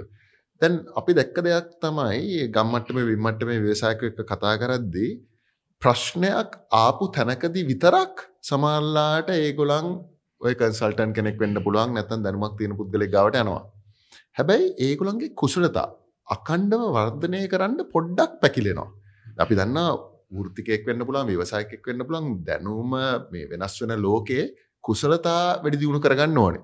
ඔබ කොයි විදිහටද මේක දකින්නේ? මෙහෙම අනිවාර්යෙන්ම මම වෘත්තිකයෙක් හැටියට වුණත් මම අදටත් හෙටටත් හැමදාම අපේ දැනුම දියුණු කරගන්න වැඩි දියුණු කරගත යුතුමයි. මොකද හේතුව ලෝකයේ වෙනස් වෙන විදියට දිනපතාම අපිට අලුත් අලුත් දේවල් එනවා ආටිෆිටල් ඉන්ටලිජන්ස් කෑ විවිධ දේවල් තියෙනවා. නමුත් ඒවට හරියන විදියට අපි හිටියේ නැත්තම් අපි ඉරලවන්ට වෙනවා කියලා මම කියන අදාළ නැති පුද්ගලයෙක් හැටියට අපි සමාජයෙන් කොන් වෙනවා. අපි ව්‍යාපාර ලෝකෙන් කොන් වෙනවා. නමුත් ඒකට අපි කැමති නැහැ. අර වින්සන් චර්ටිල් මං හිතන්නේ මේ කොහේද මේ මහා බ්‍රිතාන්‍ය හිටපු මේ විශාලම ඒ කාලේ හිටපු ජනප්‍රිය මේ අගමැතිවරයෙක් ඔහු කිව්වා today waste today news paper tomorrow waste paper කියලා. අද නිවස් පේප ඒකන්න අද ප්‍රෞතිපත්‍රය හිට වේස් පේපර ඒකන එක වැඩක් නෑ. අද අද බලුවේ නැත්තන් ඒකෙන් ප්‍රෝජනන ඒක ඩස්බින්න එකට දාන්න ඕන. නමුත් ඒකිව අවුදු හතලිහකට පහකරිසි නමුත් අද බැලුවොත් හැම මොහොතකිම හැම පෑකදීම අලුත් දෙවල් වෙනස් වෙන ඒක නිසා ඉච්චර ඉක්මට වෙනස් වෙන ලෝකෙ අනිවාර්යම අපි දැනුම කුසලතාව ගන්නවන්. එතෙන්දි මම සමහලාට ඇත්තම සතුට වෙන සමහර සුළුහා මධ්‍ය පරිමාණ කර්මාන්තකරුවෝ පුදුම විදියට ඒ සම්බන්ධව කටයුතු කරනවා. ඔවුන් විවිධ තියන කොන්ෆරන්ස් නැත්තං ඔය සාකච්ඡා සම්මන්ත්‍රණ ඒ වගේ වර්ක් ෂොප්පලට යනවා. ඒවයි ගිහිල්ල දැනුමල ඒ දැනුම ලබාගන්න තමන්ගේ ව්‍යාපාර විතරන්නෙමේ අනිත්‍යවත් දැන දුදාහරණයකට ව්‍යාපාරය කියලා තමන්ගේ ආයතනයේ බඩු විකුණන එකද එහෙම නැත්තං නිෂ්පාදනය කිරීම විතරන්නේ ද ගන්නක හිවමන් රිසෝස් කියනක මානව සම්පත. කියනක මම දන්න හැටියට ව්‍යාපාරයක තියෙන ප්‍රධානම සම්පතක්. ඒ සම්පත අපේ බැලන්ශීට් එකේ එහමනත අපේ ශේෂපත්‍රයේ ඒක වටිනාකම පෙන්නල නෑනේ ඒ වටිනාකම පෙන්න්න පුළුවන් මහිතන විශාල ගණනකින් අපේ ශේෂපත්‍රය වටිනාකම් වැඩි වෙන. හොඳ මාන සම්පතක් කියනවා. එතොට ඒ මානව සම්පත අපි පරිහරණය කරන්න උන් හරියට ඒකට යොදවලා. ව්‍යාපාරයේ වැඩකටයුතු යවලට යොදවල අපිට ඒකෙන් රිටර්න් එකක් ගන්න පුළුවන් වෙන්න නම් අපි අලුත් අලුත් දේවල් අපි ඉගෙන ගන්න ඕන. මානව සම්පත කොහොමද අපිගේම soft skills කියලා જાතිය අතර මම තරයේම විශ්වාස කරන තමයි මුරුදු නිපුණතා කියන soft skills. අපි කොහොමද අපේ සොෆ් ස්කිල්ස් වැඩි දියුණු කරගන්න? අපි කොහොමද කතා බහ කරන්න? අපි කොහොමද මේ දැම්ම අපි කතාගන්න එකක් අපිට තියෙන සොෆ් කිල්ල එකක්. මගේ අඟ පසක බෙහිදවලා මං පොස්්චර එක හදාගෙන ඒවකනක සොෆ් කිල්ල එක එතුට අපේ කමියනිකේෂන් අපි සංවේදනය මොන විදිට කරන්න ඕනද? ඒ හැම දෙයම් අපිට පුළුවන්ද ඉමෝෂනල් හදිස් හදිසි තීරණද අපි කොයි විදිහටද හැසිරෙන්න්න ඕන? ඒවත් ඒව නිසා ගොඩක් වෙලාවට ඩීල් එකක් මොනහරි බිස්නස් එකක් බ්‍රේක් වෙන්නත් පුළුවන් හැදෙන්න්න පුළුව ව්‍යාපාරින්න හොඳම පුද්ගලය කෙනෙක් එලියට යන්න පුළුවන් සමහලාට සේවකයෙක් ඒ වෙලාවේ බනින්න ගත්තොත් මම හිතන්නේ අපි පුළුවන් ඒ වගේ දේවල් අපි ඉගෙන ගන්න ඕනේ. එතකොට ඒව ඉගෙන ගන්න ඕන නම් අනිවාර්යයෙන්ම දැන් ඕන මේ තමන්ගේ කාර්යාලයෙන් එළියට යන්න ඕනේ නැහැ. තමන්ගේ නෙට් එක බැලුවොත් ඉන්ටර්නෙට් එකේ ඕන තරම් ෆ්‍රී තියෙනවා. ෆ්‍රී නොමිලේ තියෙන ඕන තරම් වැඩසටහන් තියෙන මම නම් අනිවාර්යෙන්ම මම සමහරට වාහනේ යනකොට මගේ ඩ්‍රයිවර් මහත්තයත් එක්ක මම මේ වගේ දේවල් බලනවා. දැන්ව ටික්ටොක් කියල තියෙනුන. දැ ටික්ටොක් කියන එක කෙනෙකුට හිතයි මේක නරකයි දෙයක් නෑ. නමුත් මම ඇත්ත වශයෙන්ම මේ දසර ටික්ටොක්කේ සෑහෙන මේ විනාඩිය දෙකේ හොඳ වැදගත් පෞර්ෂත්ව ගුණාංග දියුණු කරගන්න. තොට මං ආගම ධර්මය ගැන විනාඩිය දෙකේව. මං මට විනාඩි තිස් පහක් වත් යන මගේ ගෙදරදල ඔය යන අතර මං අනිවාරම වන ගොසිප් මට අදාලන ඒවගේ ඉති ඒවගේ මිනිස්සුන්ට පුළුවන් වන්න දවසට පොඩි වෙලාවක් කරගෙන ඒ කතා කරන තමන්ගේ ස්පිරිචුවල් ඒක අධ්‍යාත්මය දියුණු කරගන්න. එතකොට තමයි තමන්ට ඕන දෙයක් හරියට හරි දැක විදියට බලන්න පුළුවන්. ප්‍රශ්නයක් ගෙනකොට ගේනකොට කවරු හරි එතකොට අපි නිතරම බලන්න ඕන.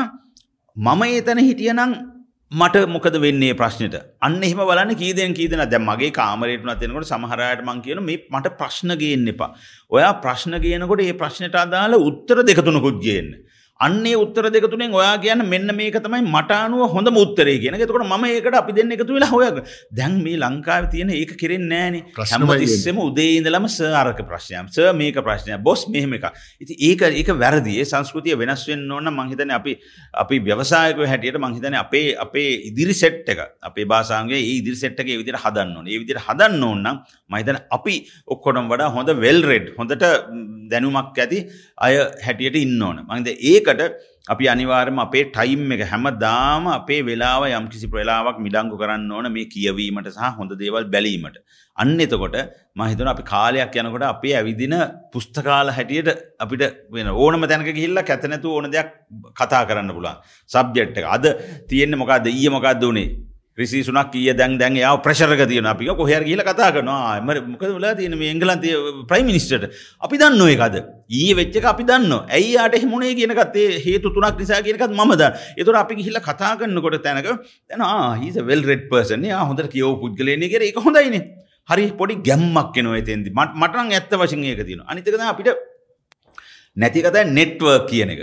ජාලය. ජාලය. හොඳ ජාලයක් තියෙන්න්න ඕන ඕනම තැනක ගිහිල්ල අපි තැනකට ගියොත් මගුල් ගෙදරක් ගන්න මල ගෙදරක් ගන්න දාන ගෙදරක් ගන්න. අපි කැමති අපේ කැමති දන්න දෙතුන් දෙනත් එක කතා කර කර ඉන්න. ඔය පාටියකට ඇ ඩ්‍රිංක අදදානවන කටියක් ඔය ඒ මන ඒක හැමතින ම කැද නිතරම ගහි අලුත් කෙනෙ කඳුර ගන්න. මගේ බිස්නස් කාඩය දල මංගෙන ම හවලා ඔය කවද? මං කැමති අඳුරගන් කර එතකොට හිත නිර්මල් අවුරු දැම්මන් එක කරලා ගොඩාකල් දසක ගාන තිසේ මට විශාල ජාලයක් තින ඕන තැනක හායි සුජී හල හයි මිස්රාජපක්ෂා කොහොමද? කියලා කතා කරන්න ඕක කරන්නේ නෑ. මොකද අපි කැමති අර සුව පහසු කලාපින්න කොම්ෆර්ට් සෝන් එක ඉන්න අපි කැමති ඒක හොඳ නෑ. එතනින් අපි එලියට යන්න මානසිකව ඒකෙන් එලියට යන්න අන්න ඒක ලොකු බැඳීමක්. ඒකෙන් අපිට එලියට ගිහිල්ලා කටයුතු කරන්න පුළුවන් නම් අපේ බිස්නස් එකට කවදා හරි ඔය හැම කෙනෙක්ම වැදගත් වෙනවා. අන්න එතකොට ලොකු පරාසයක් ඇතුළත අපිට බිස්නස් කිරීමේ හැකියාවක් ධෛර්යයක් ශක්තියක් ඇති වෙනවා කියන එක මගේ විශ්වාසය ඉංග්‍රිෂලින් කියන your network is your network කියලා absolutely සුජීව මං ආසයි දැන් පොඩ්ඩක් කාලය වෙලාවත් එක්ක පොඩ්ඩක් අපේ දේශය ආර්ථික ගැන කතා කරන්න. අපි දන්නවා මෑත ඉතිහාසය දෙදස් දහනමේ ඉදා රිජුවා වක්‍රම බලපෑම් ගොඩාක්කාව. එතකොට ඒ තියෙන තත්ත්වෙත් එක්කත්. පහුගිය මාස පහළවක කාල පරිච්චේදයත් එක්කත්. අදත් ඔබ අපේ ආර්ථිකය දකින්නේ කෙසේද මේ තියෙන ආර්ථික ප්‍රපාතයෙන් ගොඩේමට පුළුවන් වෙයිද පුළුවන් වෙනවා නම් කොච්චර කාලයක් යයිද කියලා ඔබේ අදහසක් ගන්න කැමති. ඔව් මෙහෙමයි දැන් මම එක එක විදියට තොප්පි දාගෙන ඉන්න ඕනේ මේ වෙලාවේ හැට්ස් දාගෙන ඉන්නවා හවල් තැන සභාපති හවල් තැන නමුත් අපි නිකන් සාමාන්‍ය පෘථග්ජන මිනිස්සෙක් එතකොට මොන හරි ආර්ථික ගැන යමක් දන්න කෙනෙක් හැටියට තමයි මම කැමති කතා කරන්න.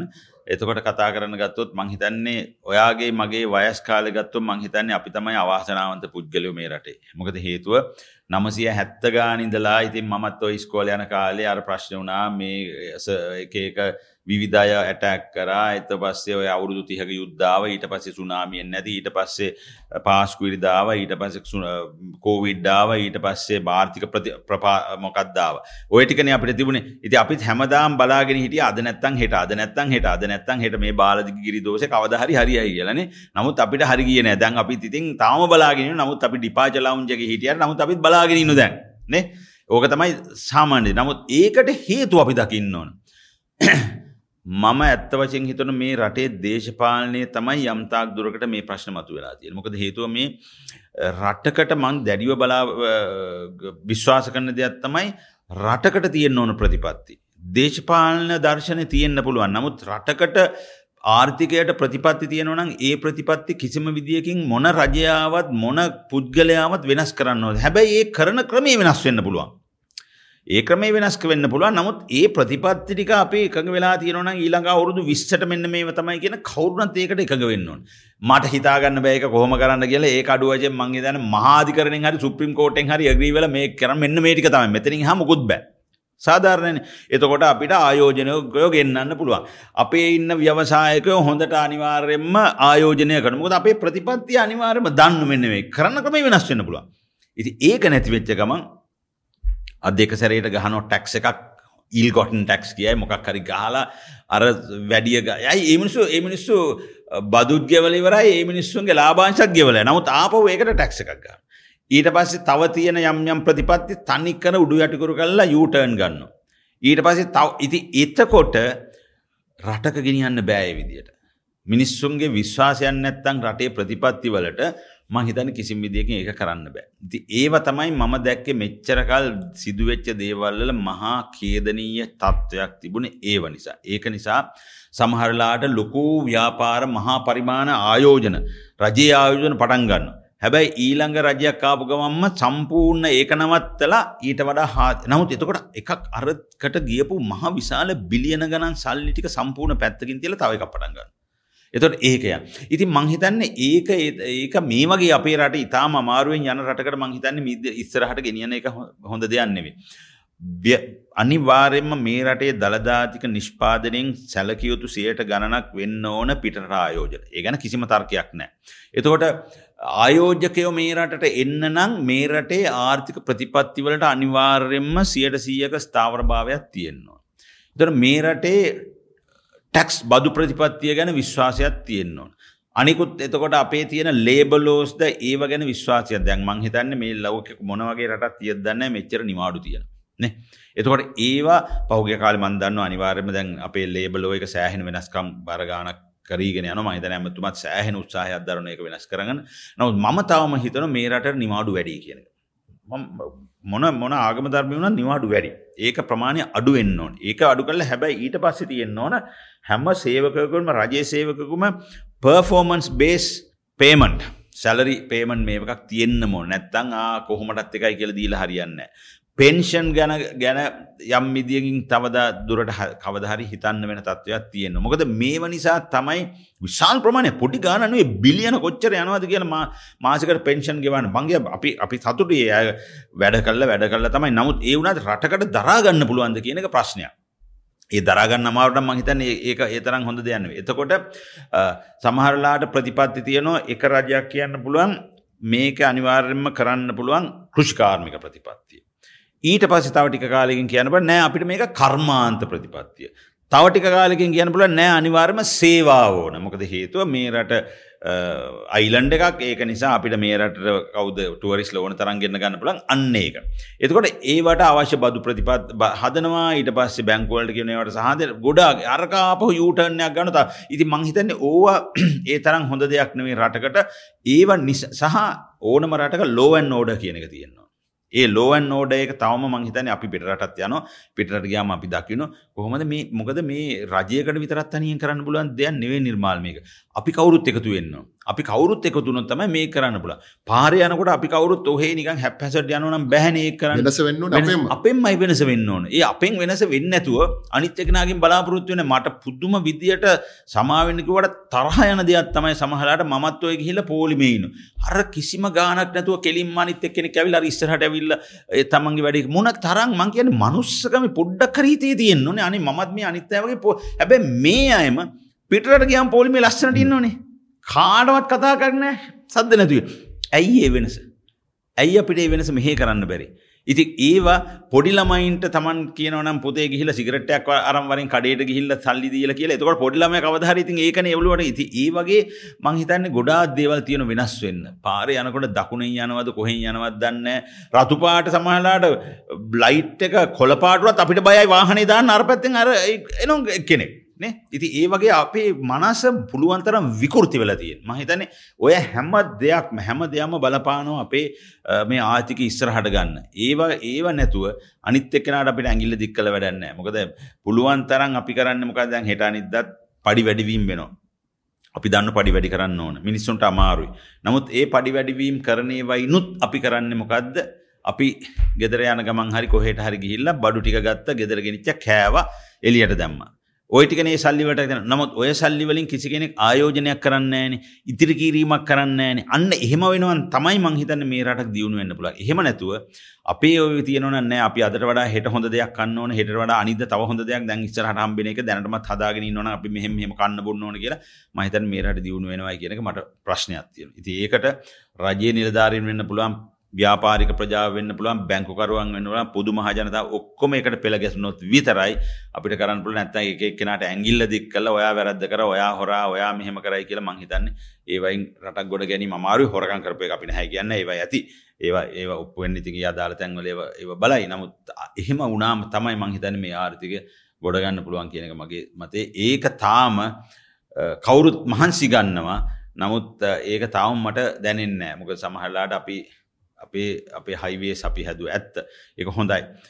නමුත් ඒව හදන්නත් යම් යම් හේතු තිබුණ. එක තමයි අර එක්ස්කලූසිව් ඩිවලොප්මන්ට් එක කොළඹටම මේ කරන්න ඇතුව ඒව ඉන්කලූස් එක එක තැන්වල උදහන්ට ගාල්ල. දානෝ කොහේද? මේ එකක් ෆ්‍රීටේට් සෝන් එක හරි කොයන් ඒ වගේ තැන්තන්වල තොට හරි ලේසි නමුත් ඒවා ඒ ඒව ක්‍රියාත්මක වුණේ නැත්තුනාට පාර හැදුන. නමුත් අරව ක්‍රියාත්ම ගුණේ අන්නේ ක්‍රියාත්ම ගුණානම් මං හිතන්නේ පාර හැදීමේ ප්‍රතිඵල ගන්න. එහෙම නැතුව මෙතන ඉඳලා කතරගම යන්න ගොඩක් වෙලාවට අපි අපි හොටෙල් එකක නවතින නැත්නම් කතරගම ඔය අපේ ඔය පුද පඬුරු ඒ සම්බන්ධව තමයි අපි පාරවල්. ඒක අපරාධයක්.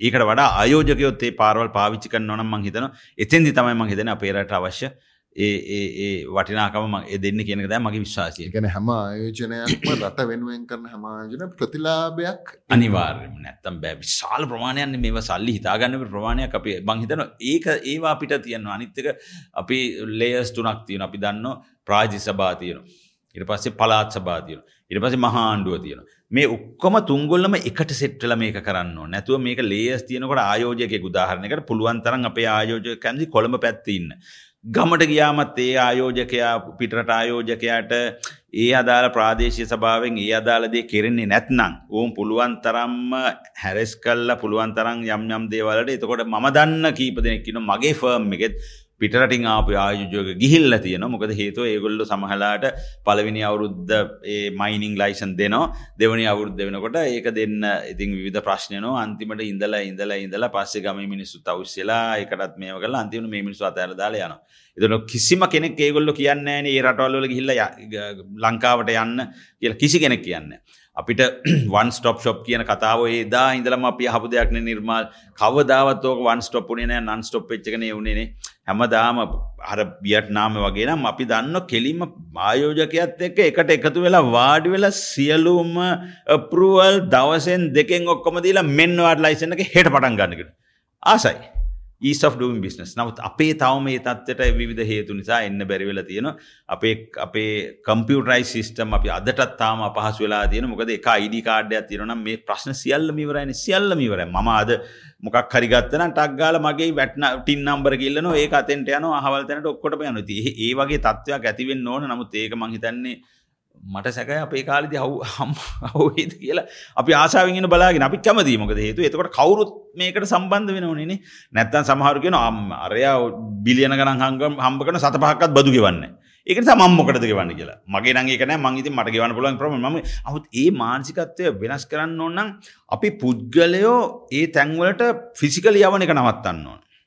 ඔය රජයේ ආර්ථික මර්මස්ථාන තුන හතර තියෙන ඒ තැන්වලට පුද්ගල හරියන්න ඕන තමන්ග අයි තමන්ගේ ටැක්ස් ආදයම් බදු ලිපිගොනුවට අදාළ වාර්ෂික වාර්තාව පුළුවන් වෙන්න ඕන. තමන්ටම මේම කල්ල ඒ අදාල යවන. යන්න ඕන්න ඇතිට ගියාම තමයි පාර පුද්ගලික සම්බන්ධකන් අරි මේ ඇතිවේ ඒමුන්න එක්සයිසකට ඒකයි. එතකොට කස්ටම එකට ඒක වෙන්න එතකොට පුළුවන් තරන් අරගොල්ල අඩු වෙනකොට අන් ලස්සනට ස්මුත් යන ඒ තුන හතර එකට එකතු වෙලා තියෙනවනම් මංහිතන සෑහෙන ඔය රෙවනිු ලීකේෂ්ත ඔය කියන දෙවල් ගොඩක් නැතිවෙන ඔය ඔක්කම බලපාන ආර්ථික වර්ධනයට අනිවාර ඇත ඔන්නෝතයි තියෙන් ඕන කියන ද මගේ මත සුජි අවසාන ප්‍රශ්නය මංහිතන්නේ මේ ප්‍රෝග්‍රෑම් එක ගොඩක් තාරුණ්‍යත් එක්ක ළඟින් යන ප්‍රෝග්‍රෑමයක් අපි කමෙන්ස් ඔක්කොම් බලුවමත් අපිට තේරනවා.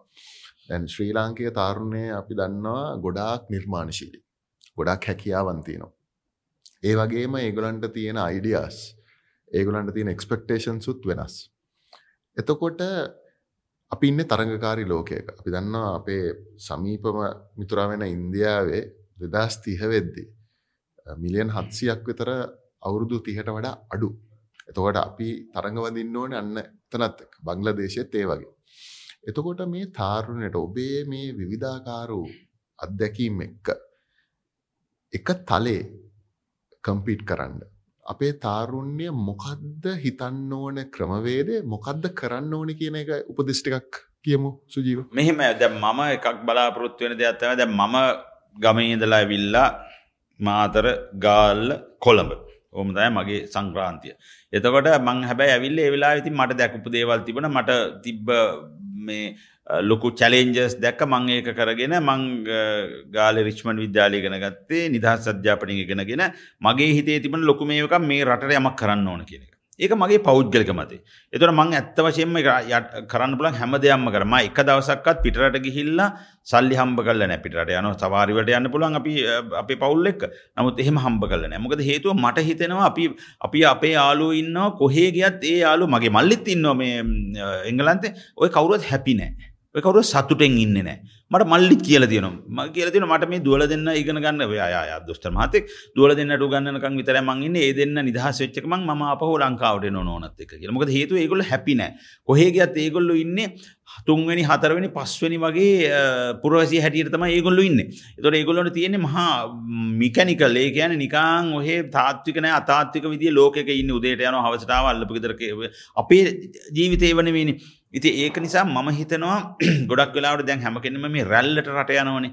නමුත් දැන් ඉන්දියාව ගත්තොතවා ඉන්දියාව ගැන කතා කර ඉන්දියාවය ගොඩක් දැන් ආපහු රටට එනවා. මොකද හේතු ඉන්දියාවේ සර්විස් සෙක්ටර්ක කියනක පුදුම විදියට දියුණු වෙලාදී පුදුම විදියට. කම්පියුටර් ගත්තොත් දැන් මම පහුගිය දවසේ මගේ ආයතන රට මේ ජාත්‍යන්තර ආයතන බීඩියෝ මම බීඩියෝ එකට ඉන්දියාව ඔෆිසේට ගියා. දැක්ක මාසයි ඒ තරුණ ජවය තරුණයොන් උදේ අටේ ඉඳලා රෑ සමහරලාට කියන රෑ 11ට යන්නේ කියලා. ඒගොල්ලෝ හරි ආසාවකින් වැඩ කරනවා. මොකද ඒගොල්ලෝ වැඩ කරන්නේ මේ ආයතනට නෙවෙයි රටට වැඩ කරන්නේ. ආයතනට හෝ මටනේ වැඩ රටට වැඩ කරන. ඉතින් ඒක නිසා තමයි අදට උනත් ඔය දලදේශීය නිෂ්පාදනය 6ක් 7ක් ප්‍රමාණයකට කියන්නේ විශාල විදියට වැඩි වෙලා. ඉතින් මං හිතනවා අපේ රටෙත් ඒ විදියට දැක්මක් තියෙන්න ඕන. හැබැයි ඒකට විශේෂයෙන්ම වෙනසක් වෙන්න අවශ්‍ය දෙයක් තමයි මේ දේශපාලනය කියන එක. මොකද ඕන කෙනෙක් ඒ පැත්තනේ බලන් කවුරුත් කියන්නේ ඇයි මේ දේශීය විසිපානේ. ඉතින් ඒවයිත් මං හිතනවා ඉස්සරහට ඒ සිතුම් පැතුම් වල වෙනසක් ඇති වුණොත් තරුණ අය අනිවාර්යයෙන්ම තමන් හැදේ. මොකද තරුණ අය කියන්නේ පුදුම අපි වගේ නෙවෙයි නිර්මාල් අපි හිතනවට දහසරයක් ටක් ගාලා යාට හිතීමේ ශක්තිය තියෙනවා. ෆෝන් එකක් වුණත් පොඩි දෙයක් වුණත් මම දුවට දුන්නා නම් දුව විනාඩියයි. ටක්ගල් මේ තාත ඉස්ඩන් කියලා අපිට දෙනනේ. එච්චර ඒගොල්ලොන්ගේ හැකියාවත් තියෙන ඒක ඒගොල්ලො බඩේ ඉන්නකොට ඉපදිලාම තින්නේ විදි එතකොට ඒ හැකියාවල් වලින් අපි ප්‍රයෝජනයට නොගන අපිට අපි ඒගොල්ලොන්ට පෙන්න්නන නම් උඹට මේ රටේ අනාගතයක් නෑ වෙන සිද්ධ වෙන දෙවල්න්නේ මොකද ඒගොල්ල අපි වගේ මේ සාකච්ඡා සම්මන්ත්‍රණ කරන්න ඒගොල්ල ඔබ්සර්ව් කරන එක කරන්න. බලාගෙනන්න මොකටද මොකාට දෙන්න කියලා. එහෙම ඉදලා ඒගොල තක්ගල් තීරණක නෑම රටයන මේ රට කිසිම අපිට අනාගතයන්නෑ අන්න ඒක වෙනස් කරන්න අපි හැම කෙනෙක්ගෙම මංහිතන්නේ ලොකු දායකත්වයතුන්. මොකද මට අවශ්‍යතාව තුන මගේ අම්මයි තාත්තයි දැන් ලෝකෙ නෑ. මගේ මාමණ්ඩි නැන්දැමි ලෝකෙ නෑ. නමුත් මං අපි ඒ හතර දෙනාටම සැලකුවා. පෞද්ගලිකවම සැලකුව ළඟ ඉඳගෙන සැලකුවා. ඒක මම හිතන්නේ දැන් කෙරෙන්නේ නැහැ. මොකද අපි දෙකක් තියෙනවා. ප්‍රසන්ට් එකයි ප්‍රසන්ස් එකයි කියලා දෙකක් තියෙනවානේ. අපි තෑගි හැටියට දෙනවා. නමුත් අපි අපි පුද්ගලිකව ළඟ ඉන්න කැමති නැහැ. ප්‍රසන්ස්. ඉතින් ළමයින් අම්මලා තාත්තලා හිතෙන් අඬන ඕන තරම් ළමයි පිටරට යවලා ළමයි කැමති ෆාදර්ස් ඩේ එකට මදර්ස් ඩේ එකට මොකක් හරි එවලා හායි බයි කියන නමුත් ඒ සංස්කෘතිය නෙවෙයි අපේ රටේ තියෙන්නේ. ඉතින් මං හිතනවා ඒව කවදා හරි ළමයි ලොකු නාමුණා දුක් වෙන්න වෙයි. මේ ඇයි අපි මේ විදියට මේ රට ඇරල ගිහිල්ල මෙහෙමුණේගෙන ඒක නිසා මම හිතනවා අපිට පුළුවන් මේ රටේ ඒ අපිට ඒ ධනාත්මක චින්තනය තියෙන්න ඕන. මේ රටේ මේ විදියට අපිට කරන්න පුළුවන්. මෙහෙම අද තිබුණාට නෑ හෙට මීට වඩා වෙනස් වෙනවා කියන එක දැනගන්න ඕන. මම හිතන්නේ එහෙම ඉඳලා අපි කවුරුත් එකට එකතු වෙලා කරොත් මං හිතන හොඳ මොකද ලෝකේ තියෙන ලොකුම ව්‍යාපාර මේ රටේ තියෙනවනේ. ගත්තොත් අයිට ව්‍යාපාර නැත්තම් බිස්නස් ප්‍රසෙස් ඔය අවට්සෝසිං ව්‍යාපාර කොච්චර තියෙන ඒක නිසා ම හිතන ම තරුණ දුවල පුතාලගෙන් ඉල්ල නො ඒ ගැන හිතන්න. අනිතක තමයි මෙහේදල පිටරටවල්ලට වැඩ කරන්න පුළන්ගේ වගේ ගොඩක් තියෙන අවට්සෝසිංවල මහිතන්න ම දන්න පොඩි ළමයි තරුණ ළමයි ලක්ෂ මිලියන ගන හම්බ කරන්න මෙහේද ෆොරින් කරන්සි හම්බ කරන්න. මයිත ඒ වගේ දේවල් කල්ලා මේ රටේ රැඳීන්න කියනක තයි ම කියන්න. සමහරකය මොකට දෙයාකිවට අපි මොකද රැඳීන කියලා. ඇත්ත ඕක ඕක තර්ක දෙකත්තිය නමුත් අර ඒ විදියට කරන්න මහිත කවදහරි මේ රට අපියමක් කරාවෙන විශේෂෙන්ම අපි මේ රටේ නිදහස් හුස්මෙන් ගත්තෙම අපිට හැම දෙයක්ම අපිට හම්බුනේ සබ්සිඩයි ප්‍රයිසස් වලට. අපේ විදුලි බලයද අපේ ගෑ දැන් නැතු වෙන්න පුළුවන්. නමුත් ඉස්සර ඒ ඔක්කොම හම්බෙලා තමයි මේ රට මේ විදිහට ඇවිල්ලා තියෙන්නේ. ඒක නිසා මන්න කවදාවත් හිතාගෙන හිටියේ නෑ රට යන නමුත් මම ඇත්ත වශයෙන් සතුටු වෙනවා මම කරපු වැඩ ගැන. මහිතන්න ඒක ඒක අවශ්‍ය නැතු අපිට මේ ප්‍රශ්නවලින් පැරලයන්න බෑ. ඉති ප්‍රශ්නවට මුණ දෙන්නුන් ඕකතම අදාල දේ තියෙන මොකද අපිට සීනයක් තියෙනවර ජැක්මාකිවගේ විශාල තියනයක් ඒ සීන අපි බයවෙන්න ඕන්. මස්කයා ඉති එහෙම උනාට පස්සේ මං හිතන අපිට මේ ජීවිත ඉදිරියට ගෙන හරි ලේසි කියෙන ඕකතයි මට හිතනති බෝමත්ම සුති සුචි අද ඉතාමත්ම හරවත් කතාබාහකට අපි යෙදුනා සෙනසු රතුරදාම් ප්‍රෝග්‍රෑම් එක අද අපිත් එක්කී කාලය කාර්ය බවුල පුද්ගලෙක් හැටියට අද උදේස මේ අපිත් එක්ක හිටියේ බැංකු ශේෂත්‍ර ගැන කතා කරන්න සුළුව මධි පරමාණ ව්‍යාපාර ගැන කතා කරන්න. ඒවගේම තාරුණයටත් යමක් ලබා දෙන්න ඔබතුමාට බොහමත්ම ස්තුතියි. අයිමත් සෙනසු රතුරදාම් ප්‍රෝග්‍රම එක හමුණතුරු අයිබෝන්. අයිබෝන්. බොම ස්තුතියි.